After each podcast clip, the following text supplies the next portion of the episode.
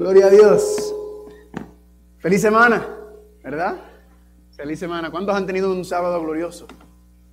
Amén. Gloria a Dios. Así que eh, vamos a terminar con un estudio de la palabra de Dios que está relacionado directamente con la temática, está relacionado con y unido a todo lo que hemos estado hablando. Y quiero darle gracias nuevamente a todos los que están aquí. Eso para mí es un gozo estar. A mí me encanta estar entre los latinos. Amén. A mí me gusta. Vivo en Estados Unidos y estoy rodeado de anglosajones. Eh, no me, los quiero y los amo y, me llevo muy bien con ellos, pero hay algo diferente cuando uno está con, con su gente. Amén. Así que gloria a Dios por eso, por eso estamos muy contentos. Gracias nuevamente por la invitación. Y vamos a orar antes de empezar el último tema. Padre Santo, Padre Gloria, gracias por este gran privilegio y este gran honor que nos has tenido aquí en GYC de venir juntos a querer acercarnos más a ti, a conocerte mejor, aprender más de ti, Padre. En todas las esferas, todo lo que se ha hecho ha sido una gran bendición eh, y yo he sido edificado grandemente por este GYC, Padre. Así que ahora, Padre, que vamos a presentar el último tema, te pedimos que tu Espíritu Santo nos acompañe y nos lleve para que podamos ah, no solamente comprender y entender, sino sobre todo aplicar los principios que vamos a aprender. Gracias Señor por la bendición y todas estas cosas te las rogamos y te las pedimos en el precioso nombre de Cristo Jesús. ¿Cuántos dicen amén? Muy bien familia, el último tema se titula La imagen de la bestia versus la imagen de la imagen de Dios. Ay, ay, ay, candela lo que viene por ahí. Así que ante el panorama que estamos viendo familia, el Señor vemos que cuál es el propósito del Señor que Él tiene para la iglesia remanente. Es ir a dar el mensaje de los tres ángeles, el mensaje del tercer ángel, que es el mensaje de la justicia de Cristo. Amén. Pero dentro de este, todo este panorama, dentro de todo esto que estamos viendo, ¿qué está haciendo Satanás? Satanás está intensificando, ¿qué cosa? La confusión, ¿verdad que sí? Vimos que desde 1844 Satanás viendo el panorama, el esquema profético y viendo cómo las cosas, ahora está, ¿qué cosa? Intensificando sus ataques, intensificando su confusión, intensificando todo. Hay tanta y tanta confusión, ¿verdad? A tantos medios, todo el mundo pegado en una pantalla, en la televisión, en la, en la, usted no puede ni conducirla, en el del carro hay televisor, en la gasolinera hay televisor, en todos lados, todo es ahí, boom, boom, boom, bombardeándonos completamente. ¿Están conmigo? Pero algo interesante pasó el año pasado. ¿Qué fue el evento que pasó el año pasado que aún todavía estamos bregando con él? ¿Cómo se llama ese evento? Uh, a veces yo me encuentro con adventistas cuando estamos dando eh, eh, estudios o sermones o clases y dicen, yo no sé por qué estudiamos la profecía. Si ya nosotros sabemos todo lo que va a acontecer. Ya nosotros la iglesia adventista, ya nosotros tenemos todo el panorama dirigido, ya sabemos cómo va a pasar cada cosa. Y yo le dije al hermano, hermano, eh, ¿dónde exactamente en la Biblia, el Espíritu de Profecía, está el COVID? Nadie se esperaba nada como esto. Yo estaba en Los Ángeles dando una semana de reavivamiento. Eso fue el año pasado, en marzo. Y de la noche a la mañana cerraron la ciudad más grande de Estados Unidos, que Los Ángeles. ¡Pum! Bombado todo. Inmediatamente nadie. ¡Wow! Eso fue una alarma para el mundo, ¿verdad? Eso fue, y escúcheme bien, eso fue una alarma para nosotros, la iglesia adventista del séptimo día. Ese fue Dios hablándonos y diciéndonos, mis hijos y mis hijas, esto es serio lo que viene. Despierten, abran los ojos, conságrense porque yo tengo una obra que quiero hacer en ti y por medio de ti. Y viendo todo este panorama, Dios nos está enseñando Mayormente aprender a depender total y solamente de Él. ¿Por qué se lo digo? Hay gente que perdieron su trabajo, gente perdió su negocio, su salario, sus inversiones, sus ahorros, su casa, su carro, su salud, su familia, su vida misma. El año 2020 fue increíble. Pero ¿por qué Dios lo permite? Dios todo lo permite para su gloria y su honra. Amén aun cuando no entendemos, aun cuando no comprendemos, entender que Dios está en control. Y lo que más yo entiendo que nos está enseñando desde de esta situación del COVID es que no podemos seguir dependiendo de nada ni de nadie. Tenemos que aprender a depender de Él. ¿Cuántos dicen amén? Ahora, cuando todo el asunto del COVID se levantó, hubo un capítulo en la Biblia que se estudió, pero ay, ay, ay, yo nunca me acuerdo haber estudiado tanto ese capítulo en la Biblia. ¿Y qué capítulo es ese? Mateo capítulo 24. Vayan conmigo, por favor. Mateo capítulo 24. fue el capítulo que por excelencia, eso era Zoom, cuando empezó Zoom, porque nadie sabía de Zoom hasta que llegó COVID, ¿verdad? Y, todo, y ay, ay, ay, ay, ay, ahora todo lo por pantalla, y todo eso era Mateo 24, Mateo 24, Mateo 24. Vayan conmigo, por favor, a Mateo capítulo 24. A Mateo capítulo 24 yo le llamo Apocalipsis capítulo 23, ¿verdad? Porque verdaderamente es, es la exposición eh, magistral de Jesucristo en cuanto a los eventos finales, en cuanto a las cosas que están por venir, las que están ocurriendo y están por venir. ¿Cuántos están conmigo? ¿Están listos? Mateo capítulo 24, versículo número 6. Dice Cristo, y oirás de guerras y rumores de guerras. Mirad que no os turbéis, porque es necesario que todo esto acontezca. ¿Pero qué cosa? Pero aún no es el fin. Porque se levantará nación contra nación, ¿verdad? Y reino contra reino. Y habrá hambre, pestes y terremotos en diferentes lugares. Le hago una pregunta. ¿Estamos o no estamos nosotros actualmente en el versículo 7, sí o no? ¿Sí o no? Sí. ¿Hay nación contra nación? Reino contra reino. Usted dirá, pero ¿por qué naciones contra nación y reino contra reino? Porque la palabra para nación es la palabra etnos, de donde sale la palabra etnia. Pregunta, ¿hay conflictos raciales entre las etnias? ¿Lo dije bien la palabra? Sí, mira, estoy aprendiendo. ¿Hay conflictos raciales? Oh, sí. ¿Verdad? ¿Hay conflictos entre, entre reinos? Sí. Pestes, hambrunas, terremotos en diferentes lugares, versículo 8. Y todo esto será solamente qué cosa? Principio de dolores. Así que nosotros sabemos que nos encontramos nosotros actualmente ahí justo en terminando el versículo 8, ¿verdad? Todo esto solamente es el comienzo, el principio de dolores. ¿Cuál es el problema, familia?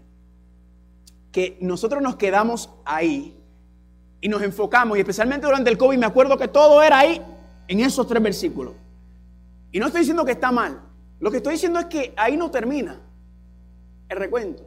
Usted tiene que seguir leyendo para entender por qué el Señor nos manda estas advertencias, estas señales que hay. No las están ahí simplemente por tenerlas ahí, sino vamos a seguir leyendo para entender qué es lo próximo que está por venir. ¿Cuántos están amén? ¿Cuántos dicen amén? Porque si vemos que todo esto está aconteciendo, significa que lo próximo está por venir. Versículo 9. Entonces, ¿qué cosa? Os entregarán a tribulación y os matarán y serán aborrecidos de toda la gente por causa de qué? Por causa de mi nombre. En otras palabras, por uno querer serle fiel al Señor Jesús, ¿qué va a venir? Tribulación, muerte y qué más? Y serán aborrecidos, odio satánico en contra del pueblo de Dios. El mismo odio satánico que se levantó contra Cristo Jesús, en donde todos los poderes se le fueron encima a Cristo Jesús. Ese mismo odio satánico, familia, va a venir sobre la iglesia en el tiempo del fin. En otras palabras, siguiendo el panorama, es lo que está próximo por venir, según Mateo capítulo 24. Y dice versículo 10, y muchos tropezarán entonces y se entregarán unos a otros y unos a otros se aborrecerán. Y muchos falsos profetas se levantarán y engañarán a muchos. Y por haberse multiplicado la maldad, ¿qué cosa? El amor de muchos se enfriará. Este es el panorama de lo que está pronto por venir. Esto es lo que está en fila para cumplirse frente a nuestros ojos próximamente. ¿Cuándo? ¿Un año, cinco años, diez años?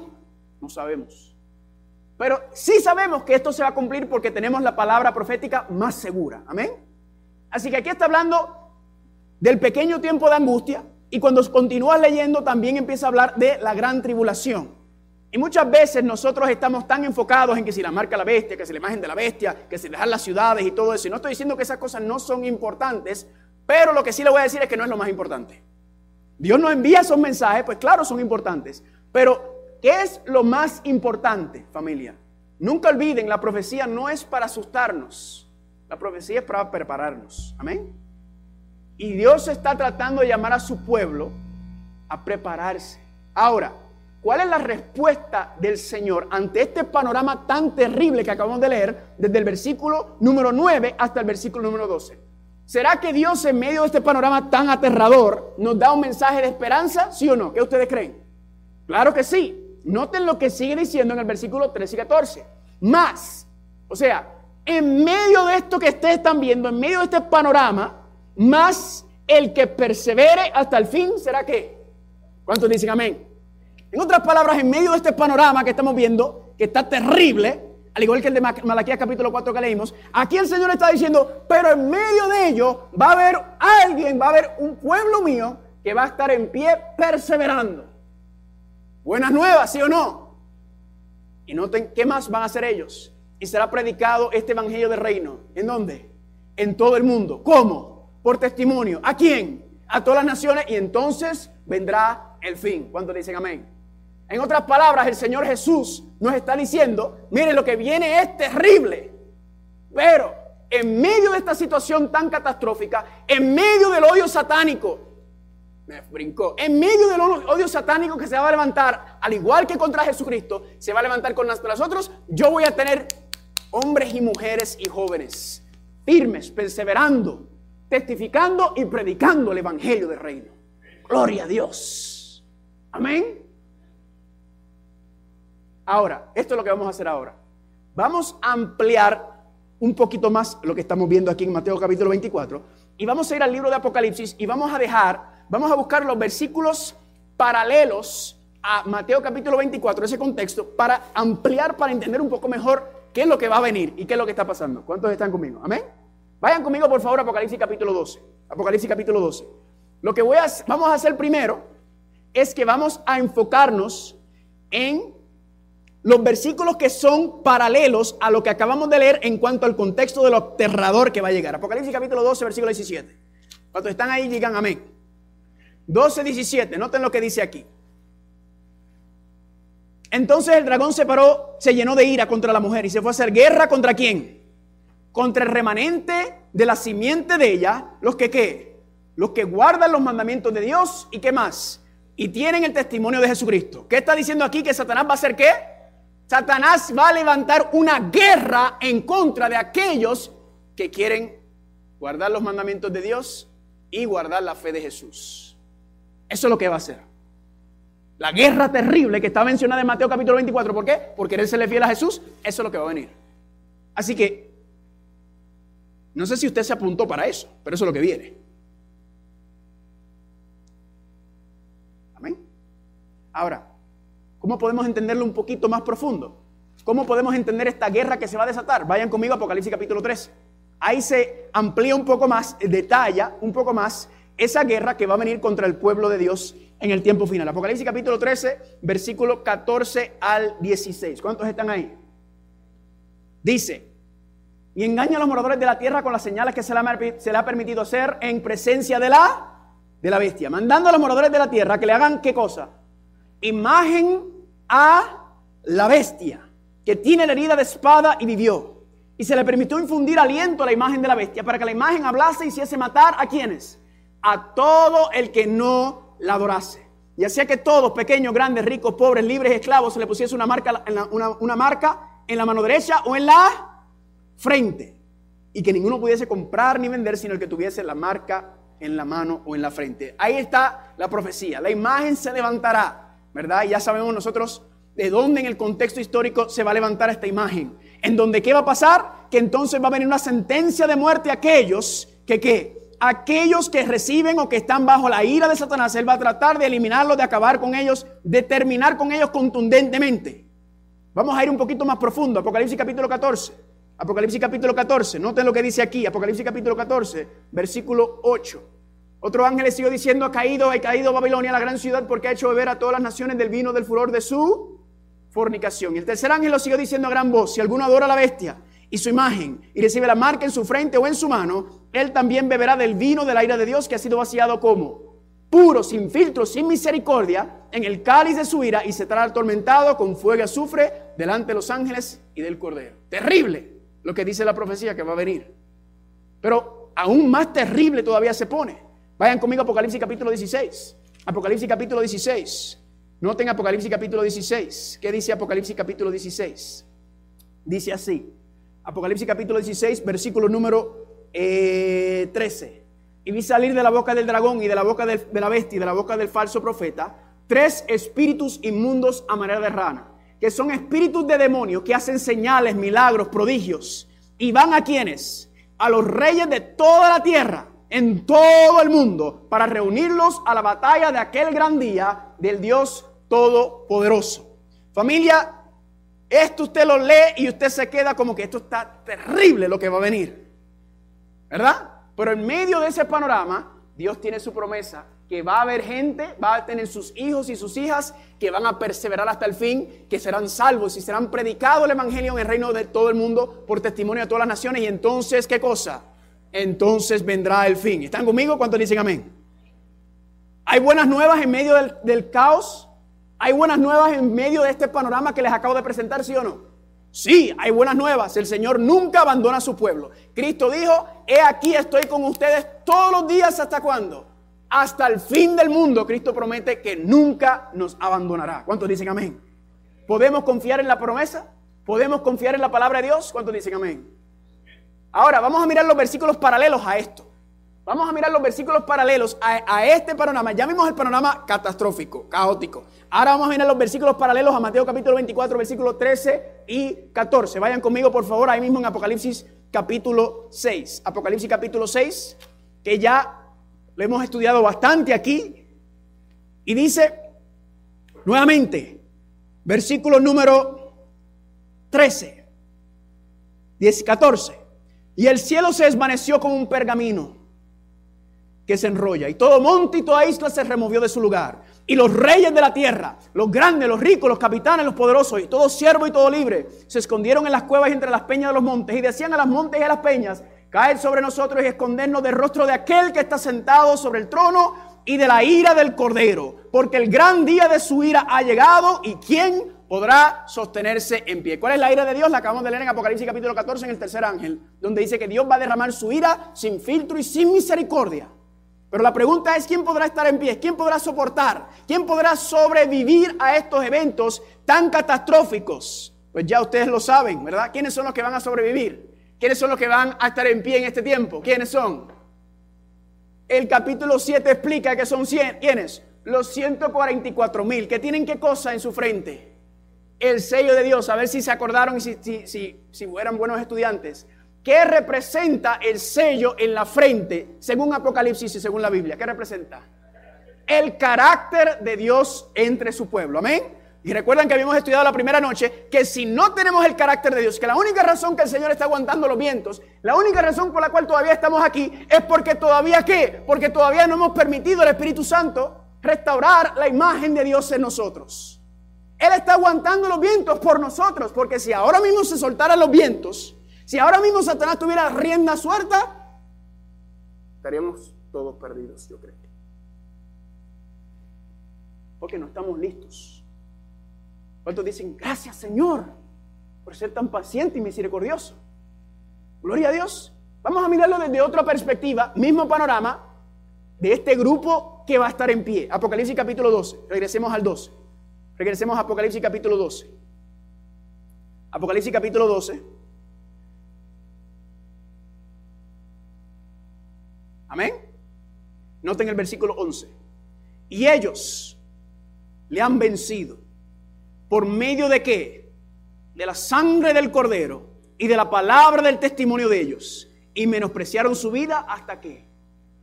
Este contexto también está hablando del grupo del versículo 17 y está hablando de aquellos que van a estar en pie en el tiempo final, que ellos vencen. ¿A quién vencen? ¿A quién vencen?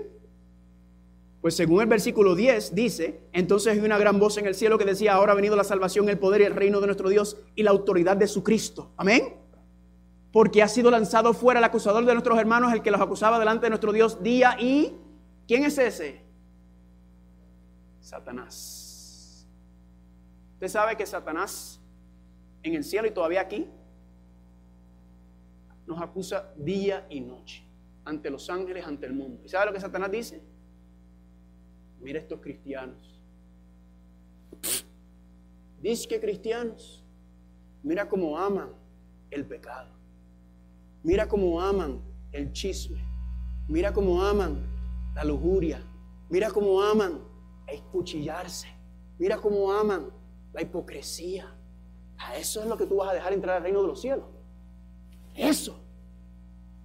Si tú dejas que eso entre al reino de los cielos, va a pasar lo mismo otra vez. Acusándonos día y noche. Pero dice en el versículo 11, pero ellos le han vencido. Amén. ellos le han vencido porque ellos son muy justos y están fuertes. Ellos han vencido por medio de la sangre del cordero. Esa misma sangre que en Hebreos capítulo 13, versículo 20 y 21 es que la sangre del pacto que nos hace que aptos, capaces para qué?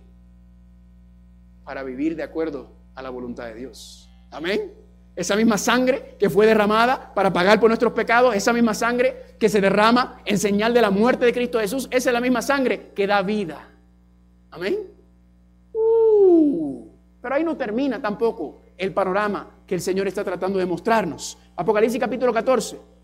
Apocalipsis capítulo 14, versículo 6. Noten, en medio de este panorama, en medio de esta catástrofe, en medio del desastre que viene, dice que qué? Y vi volar por en medio del cielo otro ángel que tenía el Evangelio eterno para predicarlo a todos los moradores de la tierra, a toda nación, tribu, lengua y qué? Y pueblo. En otras palabras, a medida que el enemigo está levantando su poder, sus aliados, su sistema para tratar de crear confusión y deshacer y acabar con el pueblo de Dios, a la misma vez hay un pueblo que está saliendo a toda nación, tribu, lengua, dialecto, cada rincón del mundo a dar a conocer el Evangelio eterno. Amén. Increíble lo que Dios quiere hacer. Y la pregunta es, ¿quiénes son los que van a predicar el Evangelio eterno? Pues familia el pueblo de Dios, que tiene el carácter de Dios, van a predicarlo. ¿Cómo lo predican? A ver, por, por el púlpito, por tu testimonio. Por tu testimonio. Es que el Señor quiere que haya victoria. Amén. Apocalipsis capítulo 14, versículo 12. Vamos a ir a otro versículo paralelo. Aquí está la paciencia, la perseverancia de los santos. Los que qué? Los que guardan los mandamientos de Dios y qué más? Y guardan la fe de Jesús. Otra vez en medio de este panorama, Dios va a tener qué cosa? Un pueblo perseverando. Mateo 24, ¿verdad? ¿Y perseverando en qué? Perseverando en la fe. ¿Por qué guardan los mandamientos? Porque tienen la fe de Jesús. Amén. Porque si la fe de Jesús es imposible guardar los mandamientos. Somos totalmente incapaces a no ser por qué? Por la creer y confiar en las promesas de Dios y dejar que Dios haga en nosotros lo que Él quiere hacer. ¿Cuántos dicen amén? Apocalipsis capítulo 18, versículo 1. Vamos a ver otro versículo. Apocalipsis capítulo 18, versículo 1. Después de esto vi a otro ángel descender del cielo. ¿Con qué cosa? Con gran poder, dunamis. ¡Pum! Y la tierra fue alumbrada con qué cosa? ¿Cómo es que la tierra va a estar alumbrada con la gloria de Dios? ¿Que será que Cristo va a venir en este momento? ¿No? Cuando el carácter de Cristo se ha reproducido en nosotros, la gloria de Dios se revela. Amén. Y esa es la gloria que va a cubrir la tierra en todas partes del mundo. La testificación y la predicación de qué cosa? De que Dios es bueno, Dios es justo, Dios merece ser honrado y adorado, Dios merece nuestra consagración. Dios es el Dios verdadero. Amén. Y pararnos en pie frente a este panorama. Noten lo que dice Apocalipsis capítulo 3, versículo 21. Apocalipsis capítulo 3, versículo 21. Solamente le estoy tirando el piso, estamos tirando, preparando, tirando el cementito para entonces montarlo. Apocalipsis 3:21, ¿qué dice ahí? Apocalipsis 3:21, ¿qué dice ahí? Al que venciere, le daré que se sienta conmigo en mi trono, así como yo he vencido y me he sentado con mi Padre en su trono. Nadie dijo amén. Escúcheme bien. Al que vence, le daré que se sienta conmigo en mi trono. ¿Recuerdan la historia que di esta mañana? Herederos y herederas. Pero ¿cómo vamos a poder ser herederos y herederas? Hay que vencer. Pero la victoria es nuestra. No, porque ahí dice, al que vence, como yo he vencido. Cristo está diciendo, la victoria mía es la victoria de ustedes también. Así como yo vencí, lo que está diciendo es que ustedes podrán vencer. Le hago una pregunta, ¿vencer qué? El pecado, el enemigo, la tentación. Cristo dice, mi victoria sobre el pecado, sobre la tentación y sobre el enemigo es tu victoria también. Y esos son los que van a dar a conocer al mundo mi gloria. ¿Por qué? Porque por la fe van a vivir la vida mía aquí en la tierra. No uno, sino decenas, miles, millones de personas por la tierra reflejando la vida de Cristo Jesús. Gloria a Dios. Satanás no pudo aguantar a Cristo solo por tres años y medio. Imagínate decenas y miles y millones de personas con el carácter de Cristo en todas partes del mundo. Satanás ahí es que dice, ah, ah, ah, y ahí se levanta la marca de la bestia. Ese es el detonador, ese es el catalizador de los eventos finales. Es la iglesia. Amén. Noten esta cita. Familia, esta cita es, ya, estoy, ya, estoy, ya me lo estoy gozando. Cristo en su humanidad desarrolló un carácter perfecto. ¿Alguien duda de eso? ¿Todos dicen amén? Y ofrece impartirnos a nosotros este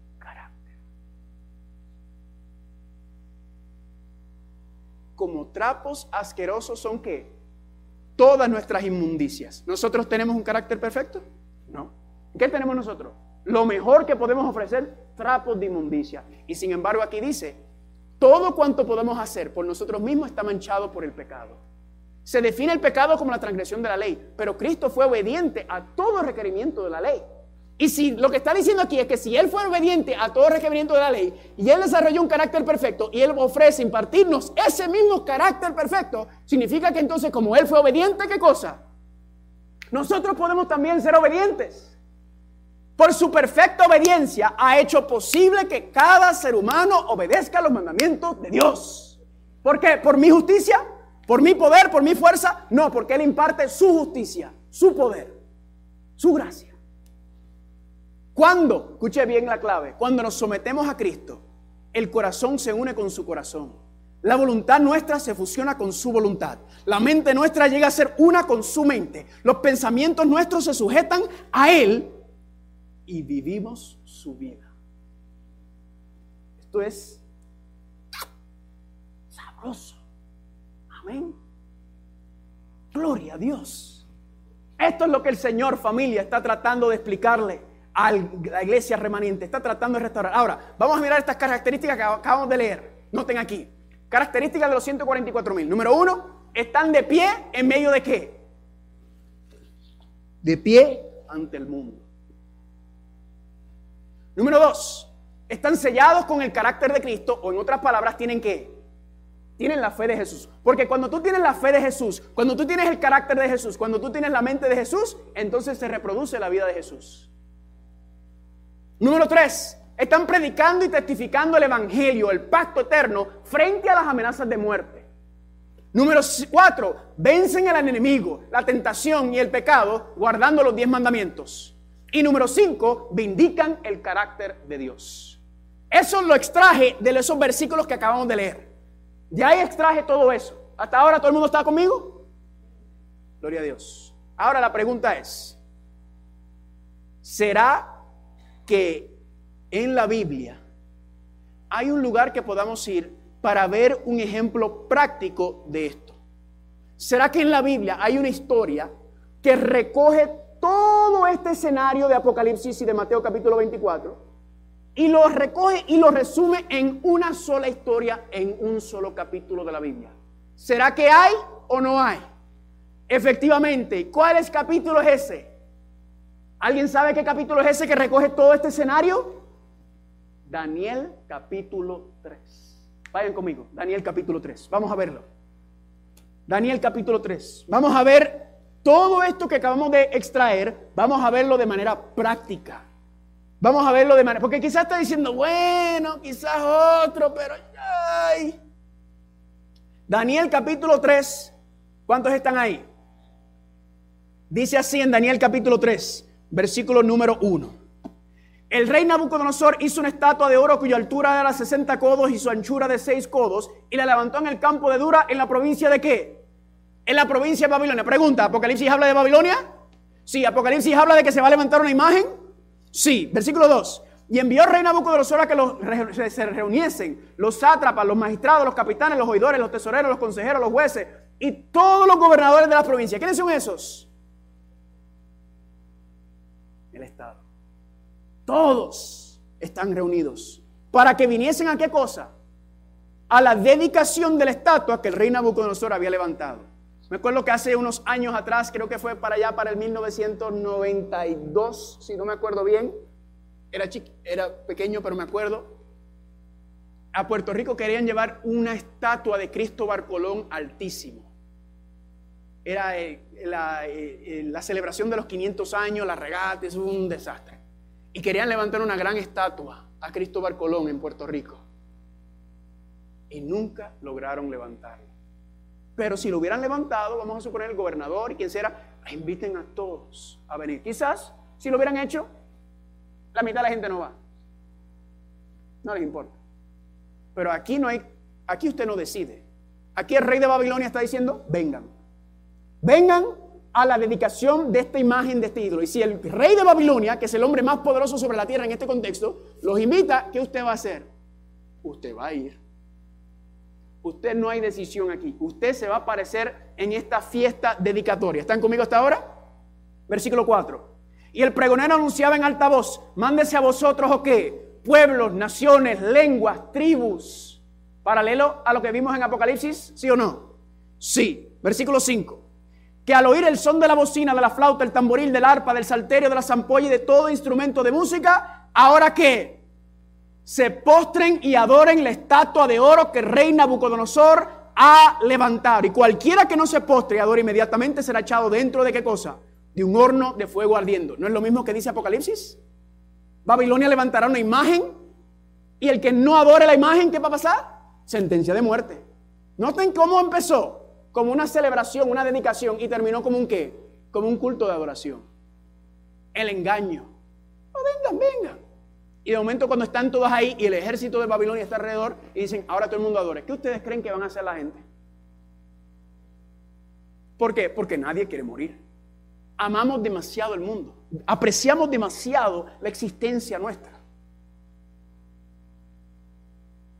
Y ahí al corazón es que ataca Satanás. Ahí va directamente a lo más preciado que tenemos, que es la vida. ¿Para qué? Para hacernos doblegar. Versículo número 12. Pero le dijeron al rey, Rabbi, hay unos judíos varones, hay unos varones judíos, los cuales pusiste sobre qué? sobre los negocios de la provincia de Babilonia, Sadrach, Mesach y Abednego, estos varones, oh rey, no te han respetado, no adoran tus dioses, ni adoran la estatua de oro que has que, que has levantado. En otras personas, palabras, si no están doblando rodillas ante la imagen, ante la estatua de oro de Babilonia, ¿qué están haciendo? ¿Están como? Si no están doblando rodillas, ¿cómo están? Están de pie. ¿Frente a qué? Frente a la muerte. Versículo 15. El rey Nabucodonosor le dice, ahora pues, están dispuestos para que al oír el son de la bocina, de la flauta, del tamboril, del arpa, del salterio, de la zampolla y de todo instrumento de música, se postren y adoren la estatua, de, la estatua que he hecho, porque si no la adoran, en la misma hora serán echados en medio de un horno de fuego ardiendo, y que Dios será aquel que os libre de mis manos. Uh. Ustedes no leímos, pero ustedes saben que Él le dio una segunda oportunidad. ¿Por qué le da una segunda oportunidad? Porque mira, cualquier otro, para afuera. Mira, descaradamente. O rebelión contra un mandato del rey. Eso es muerte inmediata. Pero dice ahí que cuando lo escuchó le dio una segunda oportunidad. ¿Por qué? Porque los amaba. Los amaba, pero ¿qué iba por encima del amor en este momento? el orgullo del rey, la reputación del rey. Iba más importante, porque el rey los amaba. ¿Cómo sabemos que los amaba? Porque si no los mata inmediatamente. Si no los mató inmediatamente es porque sabe el valor de estos tres, de estos trillizos proféticos.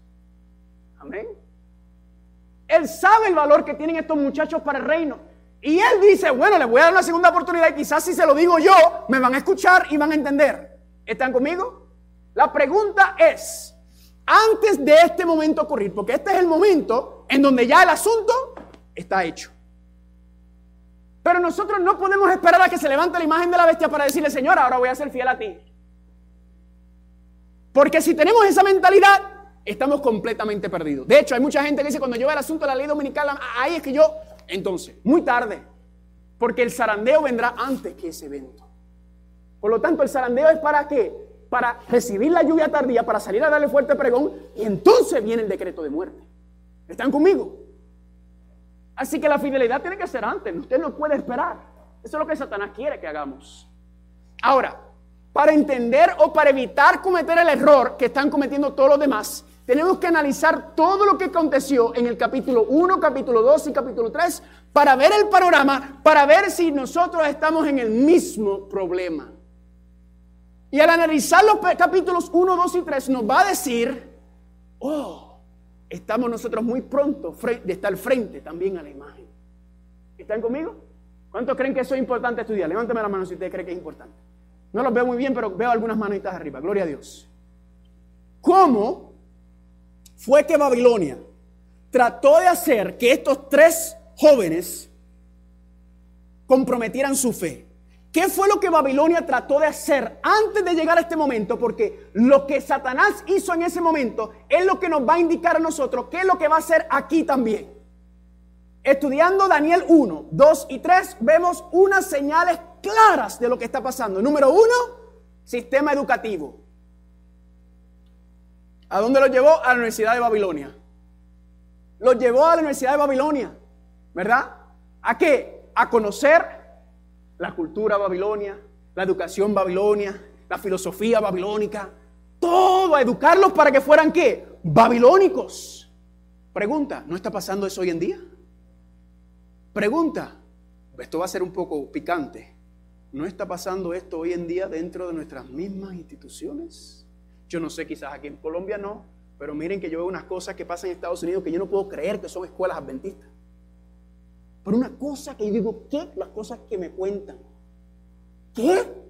Hay una escuela adventista, el sistema educativo tan increíble que el Señor le mostró a la sierva para desarrollar. Increíble. Número dos, le cambió su identidad, su nombre. ¿verdad? Les extrajeron la identidad, el nombre. ¿Por qué razón? Porque el nombre, ¿qué cosa? Es, identifica el carácter. Entonces, ellos querían que ellos dejaran de ser, ¿qué? Hebreos. Que dejaran de ser hijos de Dios, que dejaran de ser cristianos, que dejaran de pensar como hebreos y lo primero que hacen es que le quitan el nombre, le quitan su identidad. Pregunta, ¿está pasando eso hoy en día en, en el mundo? ¿Está pasando eso hoy en día en nuestra iglesia? Porque cuando le quitas el nombre, cuando le quitas la identidad, le estás quitando también qué cosa? El propósito y su misión. Ay, familia.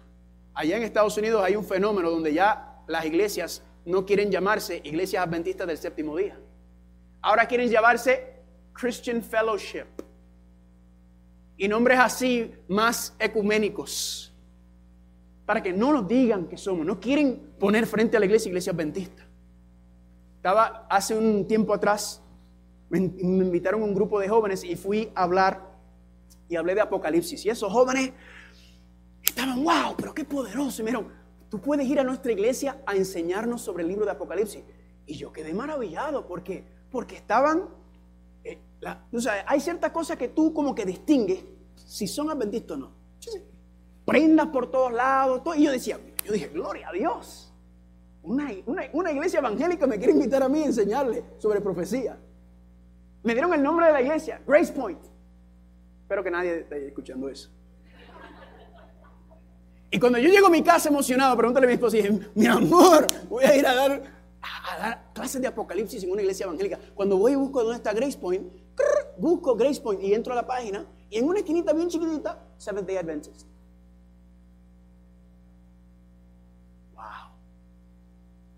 me ha dado unos choques terribles.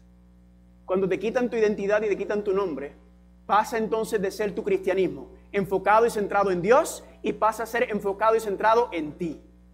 Es una adoración centralizada en el yo y no en Él. ¿Están conmigo?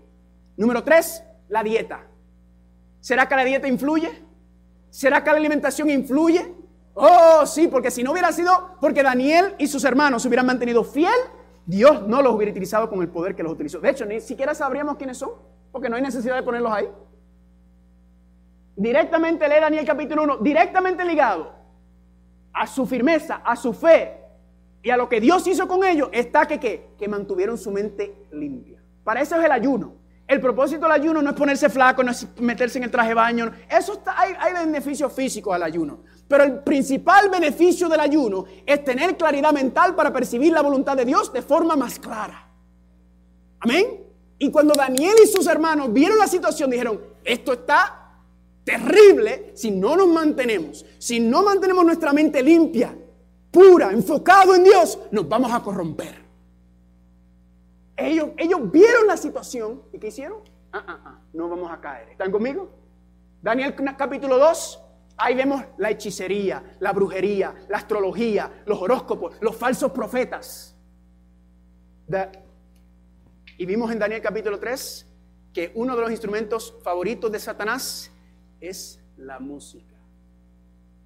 ¿Verdad? Uh, la música.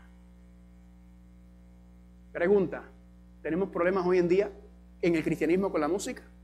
Pregunta, ¿tenemos problemas hoy en día dentro de nuestra iglesia amada con la música?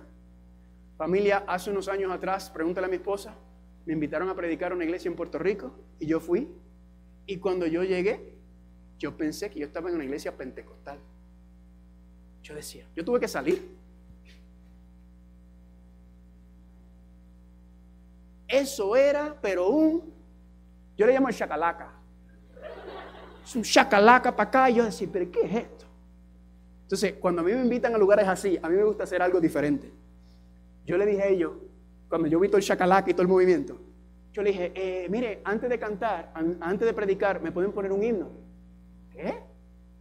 Un himno. Uno le mira al otro, ¿un himno? El otro le dice, ¿un himno? Sí, un himno. ¿No tienen himno? Ah, sí, yo creo que en la computadora tenemos un himno por ahí. Entonces, yo estoy en la plataforma, está en los de batería, está en los de la guitarra, está, está encendido. ¿Verdad? Y de momento ponen un himno. Y lo más gracioso pasó. Todos los, los percusionistas empezaron a seguir el himno con la percusión.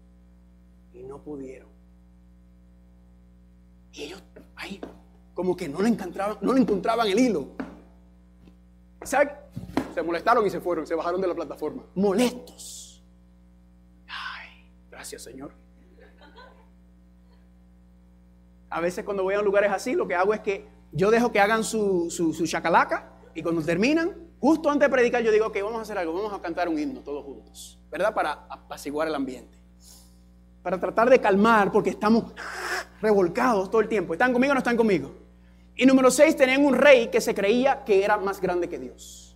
Porque él dijo, ¿qué Dios será el que los librará? ¿Qué está diciendo él? Yo soy. Yo soy el Dios de Babilonia. El único más grande que yo es Marduk. Yo soy el rey. Oh, soy el Dios. ¿Quién es este Dios? Familia, escúcheme bien lo que estos muchachos. Ninguno de estos tres muchachos pasaba de 20 años. GYC. Jóvenes. Ninguno pasaba de 20 años. Usted sabe que habían aproximadamente, según los cálculos bíblicos y según lo que ocurrió en el recuento de la salida de Babilonia, habían aproximadamente 60 mil hebreos en Babilonia. 60 mil hebreos. Y no eran hebreos de la clase trabajadora. Eran de la clase alta élite. Príncipes, gobernadores, sacerdotes, lo mejor. Nabucodonosor se llevó lo mejor de lo mejor. Y entre 60 mil, solamente tres muchachos que ninguno pasaba de 20 años se mantuvo en pie. ¿Qué nos dice eso sobre lo que viene para el final? el camino de la salvación es, y son pocos los que van a pasar por ahí. Y cuando Cristo dice eso, no le está hablando al mundo, le está hablando a la iglesia. Espíritu Profecía dice que ni uno de 20 están preparados para los eventos finales. Y eso fue hace 150 años atrás. La abuelita se me levanta ahora y le da un patatú. No, sé si un patatú como un... ¿Me entienden? Ok. Eso es una palabra en puertorriqueña. Le da un yoyo, un bioco, no sé. ¿Verdad?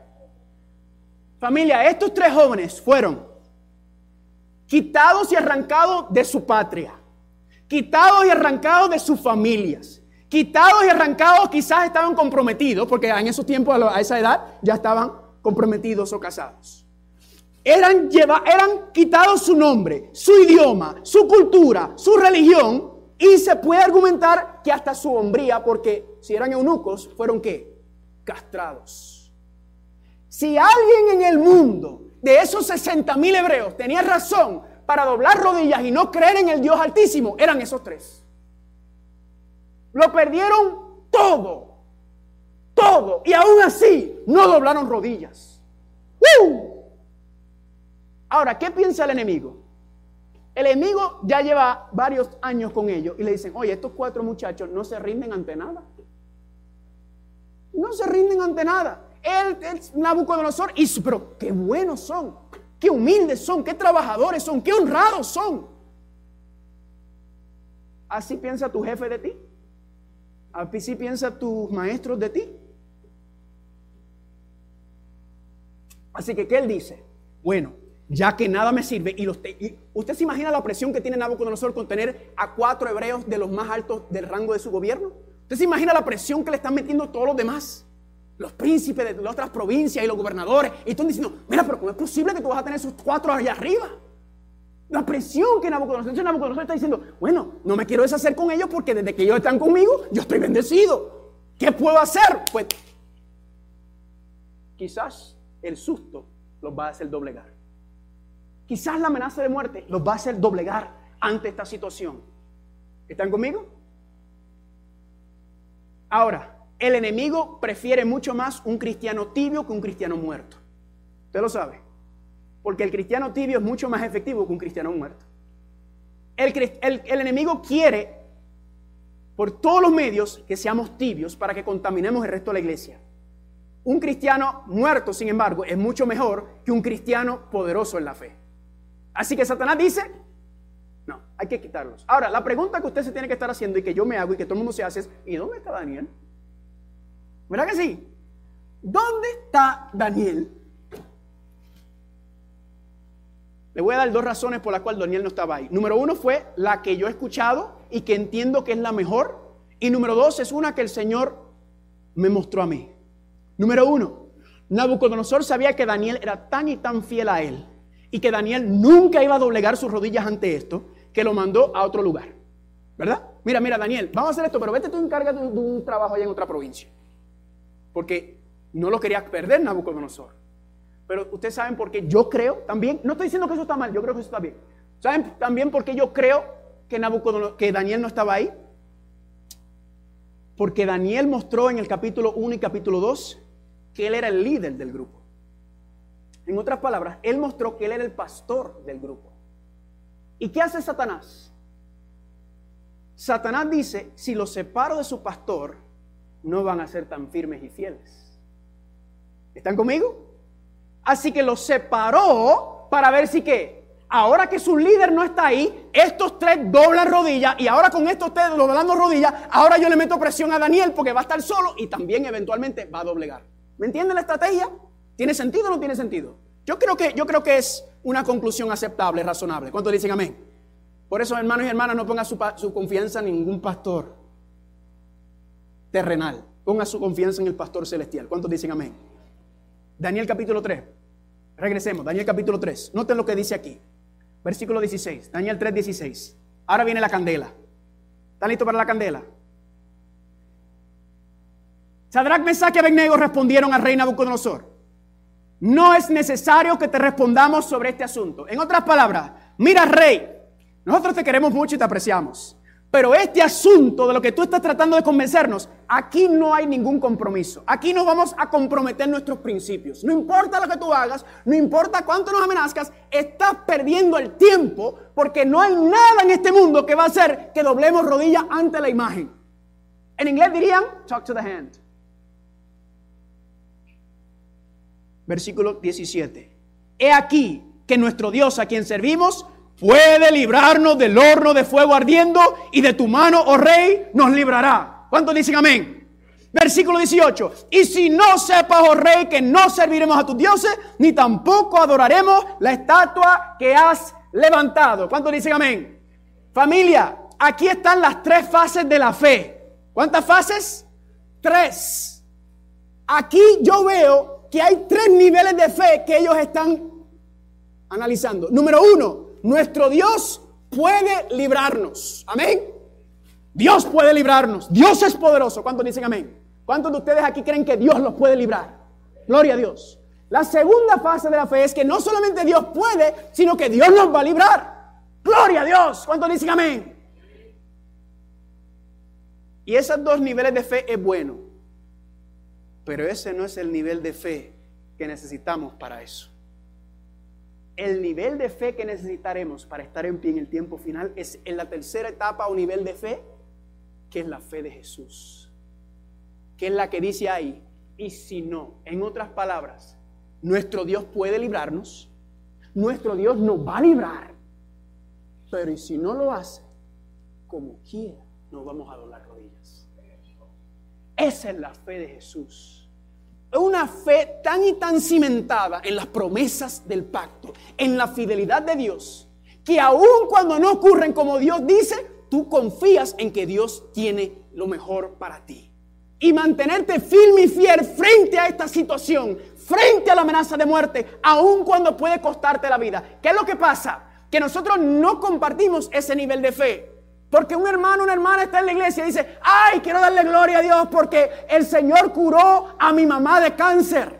Gloria a Dios, Dios es bueno, Dios es poderoso. Y está la persona al lado que está ahí triste diciendo, ¿y por qué el Señor no curó a mi mamá de cáncer? ¿Significa que el Señor no me ama? ¿O que escucha las oraciones de esa persona más que a, a mí? ¿Están conmigo? La fe verdadera es, Señor, Tú eres todopoderoso y glorioso. Y si tú quieres, tú puedes, es tu voluntad. Amén. Pero si no se hace como yo te pido o como yo quisiera, Señor, aún así yo voy a seguir alabándote y adorándote porque yo sé que tú estás en control y que tú diriges las cosas. Esa es la fe de estos muchachos, familia. Esa es la fe que estamos viendo. Ellos confiaron tanto y tanto y tanto en las promesas de Dios ellos confiaron tanto que aun si ellos mueren, ellos saben que Dios los va a resucitar en aquel glorioso día cuando regrese. Ellos saben que aun si mueren en ese momento, el plan divino se iba a cumplir. Y cualquier día en el futuro, ellos sabían que aunque muramos, Dios nos va a levantar en ese glorioso día y veremos el rostro de nuestro Mesías. Amén. Si Dios decide quitarme la vida, que me la quite. No me importa. ¿Saben por qué? Porque lo más importante para mí es vivir de acuerdo a la voluntad de Dios. Eso es lo más que me importa. Eso es lo primero en mi vida. Ser fiel a Dios frente a cualquier, hasta la amenaza de muerte. Esa fe no surge de la noche a la mañana. Es una fe que proviene de caminar con Dios, de conocer a Dios, de vivir con Dios. ¿Están conmigo están conmigo? ¿Cuándo dicen amén? Familia, en esta historia no estamos solamente viendo una batalla entre dioses.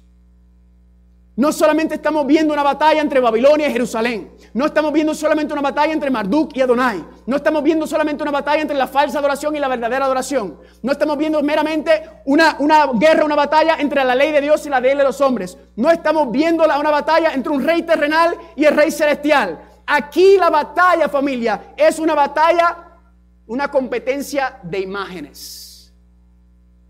Es una batalla de imágenes. ¿A qué me refiero?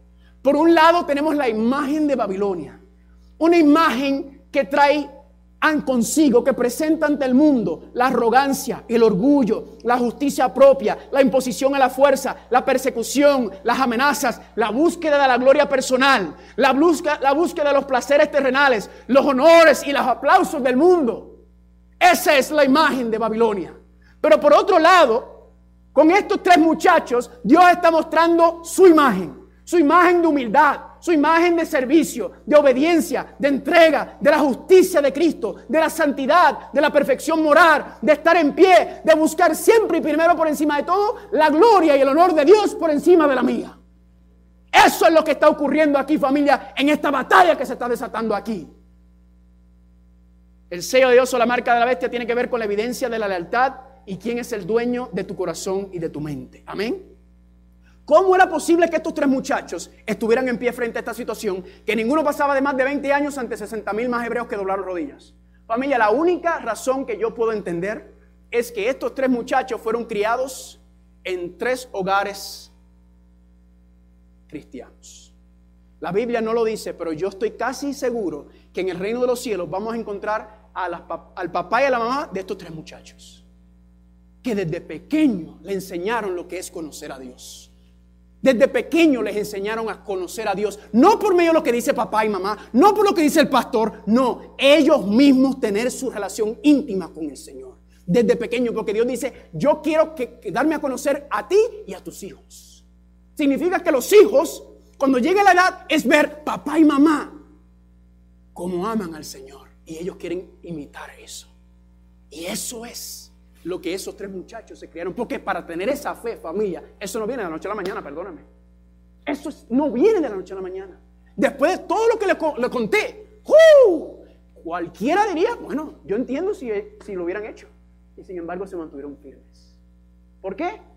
Porque conocían personalmente a Dios. Tenían una relación íntima con Dios. Y no importaba lo que viniera, ellos confiaron en las promesas del pacto del Señor. ¿Cuántos dicen amén? Eso es lo que familia está representado en esta guerra, en esta batalla que se está desatando aquí. ¿Están conmigo? Miremos las características de los 144 mil para ver si estos muchachos lo cumplen. ¿Cuánto tiempo me queda? Ah, ya se me acabó el tiempo. Número uno, pregunta, ¿están en pie o no están en pie estos muchachos frente a la tribulación, frente a la muerte, frente a la amenaza? ¿Cuántos, cuántos están conmigo? ¿Sí o no? Efectivamente número dos, ¿están estos muchachos sellados o no con el carácter de Cristo? ¿Tenían estos muchachos la fe de Jesús? Sí. Claro que sí. Evidencia contundente de estos muchachos. Como Cristo que dijo que, Padre, si esta copa puede, pásese de mí, pero que se haga tu voluntad primero. Una fe inquebrantable para pararse frente al rey, el reino más poderoso del mundo, y ser los únicos que no lo están. Gloria a Dios.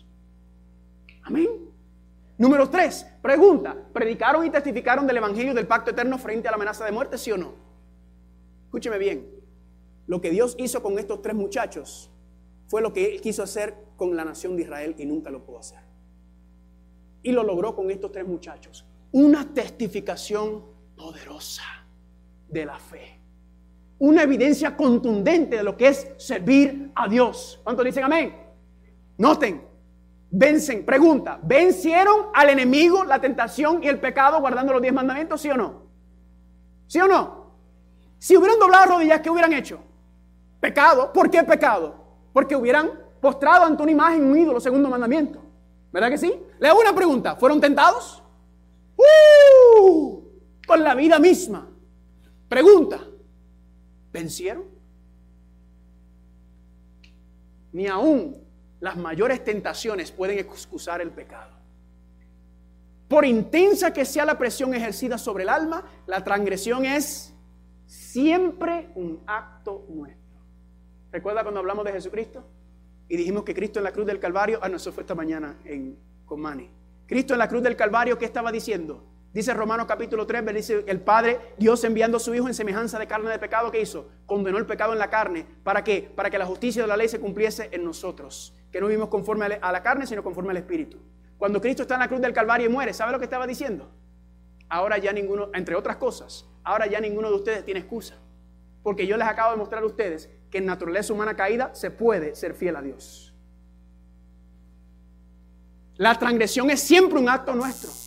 No puede ni la tierra ni el infierno obligar a nadie a que haga el mal. Satanás nos ataca en nuestros puntos débiles, pero no es preciso que nos venza por severo e inesperado que sea el asalto, Dios ha provisto ayuda para nosotros y mediante su poder podemos ser más que vencedores. Amén. Gloria a Dios. Esa excusa de que, ah, que nosotros nacemos con naturaleza pecaminosa caída y por ende nunca podremos vivir una vida de justicia. Eso es lo que dice ahí. Ahí dice totalmente lo contrario. Y noten esto. Al que venciere yo le daré que se sienta conmigo en mi trono, así como yo he vencido y me he sentado en mi Padre en su trono. Apocalipsis 3:21. No tenga el comentario de ese versículo. Podemos vencer plenamente y por completo. Amén. Jesús murió para hacernos un camino de salida a fin de que pudiéramos vencer todo mal genio, todo... ¿Cuánto pecado? Todo ahí, eso es absoluto, a eso no es ambiguo. Todo pecado toda tentación y sentarnos al fin con Él. ¿Cuántos dicen amén? Gloria a Dios familia. Esto es lo que está siendo manifestado y representado por estos muchachos. Y eso es lo que Dios quiere ver en usted y en mí. Ahora, ¿usted se cree que ellos estaban ahí diciendo, nosotros somos justos, nosotros no tenemos pecado? ¿No usted cree que estaban llenándose ellos? Diciendo, ¡ah! Mirad a Moisés y a los profetas, mirad a Daniel, a José y Elías, y incluimos a estos tres.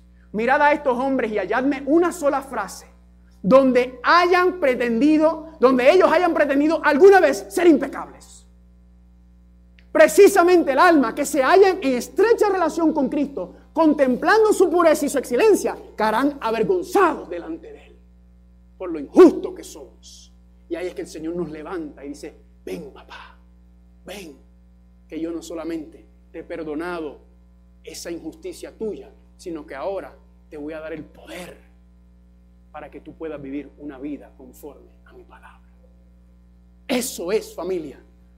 Vencer al enemigo de la tentación. Y el número cinco, vindican el carácter de Dios. Luego una pregunta, ¿vindicaron o no vindicaron estos muchachos el carácter de Dios? ¿Sí o no? Familia, esos muchachos, con esa demostración de fe, con esa testificación ante el mundo entero, ¿cómo lo es ante el mundo entero? Porque lo estamos leyendo ahora nosotros. Casi 2.600 años después. Y todavía lo estamos leyendo aquí en Colombia, cuando eso pasó allá por Irak. La demostración de fe que Dios nos está dando por medio de estos tres muchachos, ninguno pasa de 20 años. Adolescentes, teenagers. ¿Será que Dios nos está tratando de hablar? ¿Será que así como Cristo cuando murió en la cruz del Calvario dijo, el ser humano no tiene excusa ya? ¿Será que Dios le está diciendo, que usted tenga la edad que usted tiene, eso no es excusa? Que tú estás adicto a las redes sociales, eso no es problema para mí. Que tú estás adicto a la pornografía, eso no es problema. Que tú estás metido en cuanto chisme, en cuanto mentira, y estás robando, y estás fornicando, sea lo que sea, eso no es problema para mí. El problema es si tú quieres vivir en santidad. El problema es si tú anhelas más mi justicia que tú, que vivir de acuerdo a tus deseos carnales. El problema es si tú deseas más vivir en la carne que vivir en el espíritu. Ese es el problema. Porque si usted decide ponerse del lado mío, la victoria está garantizada y asegurada. Eso es lo que el Señor nos está hablando por medio de estos tres muchachos. Y esta es la manifestación de los 144 mil en aquellos días, porque será la manifestación más grande después de Jesucristo de lo que es vivir por fe. Eso es lo que Dios está esperando y lo que Dios quiere levantar en este grupo. Amén. Vayan conmigo para terminar en Hechos capítulo 26, versículo 16, que es el versículo tema de este congreso. Hechos capítulo 26, versículo 16. Amén. Eh, el pianista está por ahí. Si el pianista está por ahí, pase adelante. Y vamos, muy pronto a cantar el himno tema. ¿Está bien? Amén. Hebreos Hechos 26, 16. ¿Qué dice aquí? Hechos 26, 16. ¿Cuántos están ahí? Dice aquí, versículo 15. Noten lo que primero tiene que ocurrir. ¿Quién eres, Señor? Y el Señor dijo, yo soy Jesús. Primero que necesitamos, un encuentro con Jesús. Y cuando tenemos un encuentro con Jesús, ¿qué es lo próximo que ocurre? Levántate y ponte sobre tus pies, porque para esto he aparecido a ti, para ponerte por ministro y testigo de las cosas que has visto y de aquellas en que me apareceré a ti, librándote de tu pueblo y de los gentiles a quienes ahora te envío, para que abra sus ojos, para que se conviertan de las tinieblas a la luz y de la potestad de Satanás a Dios, para que reciban por la fe que es en mí perdón de pecados y herencia entre los santificados. Gloria a Dios, familia. Eso es lo que el Señor quiere hacer. Eso es lo que el Señor está esperando y anhelando de nosotros, familia. Pero eso no es posible a menos que tú vayas y digas, Jesús, ¿quién eres tú? Jesús, quiero conocerte. Jesús, quiero aprender a vivir por fe. Jesús, quiero tener tu vida en mí. Jesús, ayúdame, porque yo no puedo. Esa es la actitud para que Dios pueda decir, levántate y resplandece, porque tu gloria, mi gloria se verá reflejado en ti y los reyes de las naciones vendrán ante ti. Eso no fue lo que ocurrió aquí. El rey más poderoso de la tierra, por medio del testimonio de unos adolescentes, terminó convirtiéndose al Señor. Claro, pasaron otras cosas, pero esto ayudó en el camino. ¿Están conmigo o no están conmigo, familia? Y por eso concluyo con el versículo que comenzamos, o la cita. Mateo 24, 14 y palabras de vida del gran maestro. Cristo está aguardando con deseo anhelante la manifestación de sí mismo en sus jóvenes de GYC. Cuando el carácter de Cristo se reproduzca perfectamente entre los jóvenes de GYC, entonces será predicado el Evangelio del Reino en todo el mundo por testimonio a todas las naciones. Y entonces vendrá a buscar a los suyos y entonces vendrá el fin. Eso familia, la misma vida de Cristo Jesús es la que Dios quiere impartirte a ti también. Esa misma vida de poder, esa misma vida de gracia, esa misma vida de santidad, esa misma vida de humildad, esa misma vida de mansedumbre, esa misma vida de fidelidad, esa misma vida de obediencia, la que Dios quiere otorgarnos a cada uno de nosotros. Y cuando nos consagramos y nos entreguemos pleno y totalmente, entonces el Señor dice, ahora yo te doy la fuerza para que puedas estar en pie. Porque la única razón que esos tres muchachos estaban en pie en ese día era porque los estaba sosteniendo la mano divina. Era la única razón. Porque humanamente cualquiera dobla rodillas inmediatamente. Porque tenemos miedo. Pero el perfecto amor echa fuera el temor. Y solo Dios puede darte a ti la fuerza y el poder para que puedas vivir conforme a su palabra, a su voluntad y su armonía. ¿Para qué? Para utilizarte a ti como un testimonio, como esos tres adolescentes. Escúcheme bien. Ustedes este movimiento adventista comenzó con jóvenes y este movimiento adventista va a terminar con jóvenes. Y ustedes, si ustedes deciden consagrar su vida plena y totalmente al Señor, como estos tres muchachos, y decidan decir, yo quiero buscar primeramente el reino de Dios y su justicia, si ustedes deciden eso, el testimonio que ustedes van a dar por Cristo Jesús no se va recordado por 2600 años, será recordado por el resto de la eternidad su nombre estará escrito en el libro de la vida de Cristo. Y por el resto de la eternidad estaremos testificando de la gloria, del poder, del amor, de la misericordia, de la gracia de Dios. Amén. ¿Cuántos de ustedes quieren ser parte de ese movimiento final, de esa última generación que se va a levantar a decir, la edad no es excusa, ni para jóvenes ni para ancianos? Por si hay alguien aquí que está diciendo, esto, esto es un movimiento de jóvenes. Moisés tenía 80 años cuando comenzó su ministerio. Déjase de excusa. Amén. Pero en ese efecto, el poder de una juventud con toda su vida por adelante y decir, yo quiero vivir mi vida para el Señor, eso es poderoso. Amén.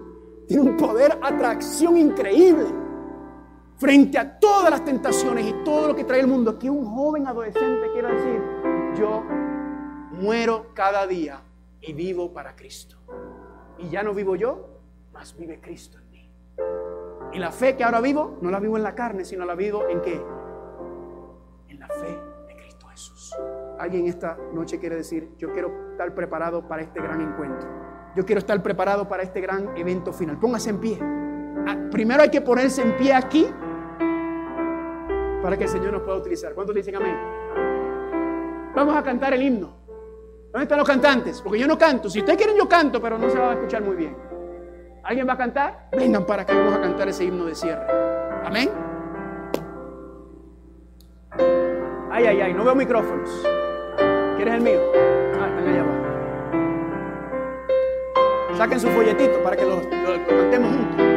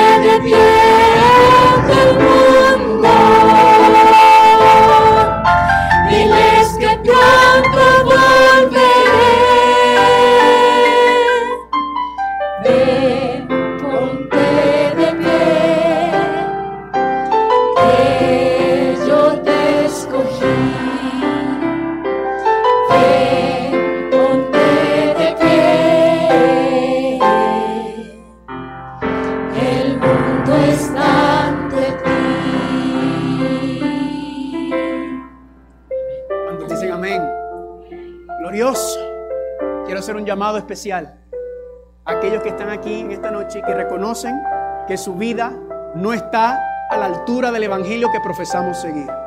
Quiero invitarte a ti, joven, que estás luchando, batallando con algún vicio, con alguna debilidad, con alguna adicción, sea el odio, el orgullo, la pornografía, no sé cuál es. Y tú eh, te das cuenta que con ese carácter no estás lista o listo para estar en pie ante el final. Y tú dices, Señor, yo quiero y anhelo más que nada vivir en santidad. Yo quiero y anhelo más que nada en este mundo que tu nombre sea glorificado por medio de mi vida. Y yo quiero, Señor, en esta noche reconocer que yo no puedo hacerlo. Que solamente tu Hijo en mí, Padre, puede hacerlo. Ven, vengan al frente, vengan al frente y digan, Señor, ya vemos la- la- las señales, vemos lo que está aconteciendo, vemos lo que ha ocurrido en estos últimos años. Y no sé qué más puede hacer el Señor para levantarnos de este, de esta, déjame decirlo de manera buena, de esta tibiandez que tenemos. Tibieza, gracias. ¿Viste? Aprendí algo nuevo. A veces yo me invento palabras así. Gloria a Dios. Señor está preparando una generación de jóvenes para salir a dar el sonido certero a la trompeta, para estar en pie ante el mundo. El mundo entero se nos va a ir en contra. Poderes seculares, poderes políticos, poderes religiosos, todos nos van a ir en contra. Pero solamente hay una cosa que le va a importar a aquellos que están en pie en ese día, así como Cristo se mantuvo en pie ante la, la cruz del Calvario. Y es que yo quiero que el nombre de Dios sea glorificado por todos los siglos. Que el mundo entienda y comprenda que no hay nada más grande y más rico y más sabroso que servir a Dios. Y exaltar y alabar su nombre. Amén. Eso, eso ante los ojos de Dios derrite el corazón del Señor. La debilidad del Señor, ¿sabe cuál es? Un corazón contrito y humillado ante Él. Lo derrite. Amén. Yo quiero hacer una oración especial con ustedes.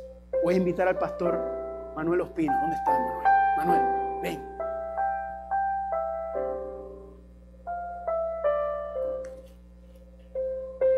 Una oración de consagración a todos ustedes que en esta noche han decidido y han dicho, basta ya. Basta ya de a medias. Basta ya de tibieza. Basta ya de... El hecho de que ustedes están aquí ya habla mucho de todos ustedes, déjame decirles. Estoy muy orgulloso de ustedes. Pero apenas esta es la fe que dice, Dios puede hacerlo. Dios lo hará, pero eso no es la fe que necesitamos. Necesitamos la fe que dice, y si no, como quiera. Aquí voy a estar de pie. Amén. Vamos a arrodillarnos, los que pueden. Uno, dos, uno, dos. Uno, dos, uno, dos, uno, dos, uno, dos, uno, dos. Mani.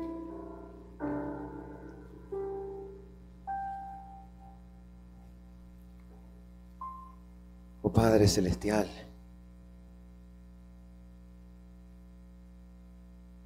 no queremos, Señor, retrasar más tu venida a esta tierra. Queremos sencillamente, Señor, ceder ante tu poderosa atracción que emana de la cruz en santo amor, Señor. Tu Espíritu, Señor, nos ha hablado. Tu Espíritu nos ha atraído. Y al ceder, Señor, hemos sido conducidos al pie de la cruz, arrepentidos por los pecados que crucificaron a nuestro Salvador. Y aquí estamos, Señor, al pie de la cruz. Y nuestros corazones arden porque reconocemos que te hemos fallado, Señor. Reconocemos nuestros pecados y anhelamos que humillados en el polvo de la tierra, tu gloria, tu poder nos levante en la fuerza, en la gracia y en el poder de Jesucristo. Danos a Cristo, Señor, como el poder para levantarnos de pie ante el mundo. Y si en alguna ocasión sentimos, Señor, que nuestras rodillas tiemblan, llévanos a arrodillarnos delante de ti para cobrar fuerzas en Cristo. Señor, has prometido y jurado entre ti y tu santo Hijo que cumplirás tu pacto y tus promesas para con nosotros. Has comprometido el honor de tu trono en la perfección del carácter de tu pueblo, Señor. Y ante esto nos es imposible, Señor, como humanos. Pero en nuestra debilidad, en medio de nuestra debilidad, Señor, el desvalido agente humano que somos, tu poder se perfecciona, nos levantas y ante el trono de la gracia has prometido darnos socorro oportuno para permanecer en pie cuando la tentación nos amenace aún con muerte. Por eso, Señor, aquí estamos, humillados delante de ti, para que menguemos nosotros mientras Cristo crece exaltado y nos invita a subir juntamente con Él. Te amamos en medio de nuestra debilidad. Te adoramos y creemos que eres capaz de cumplir tu bendita promesa de manifestar a Cristo en nuestras vidas. Lo esperamos de ti. Creemos que lo recibimos y hoy lo agradecemos y lo pedimos en el nombre de Cristo Jesús. Amén, Señor. This media was brought to you by Audioverse, a website dedicated to spreading God's Word through free sermon audio and much more. If you would like to know more about Audioverse, or if you would like to listen to more sermons, please visit www.audioverse.org.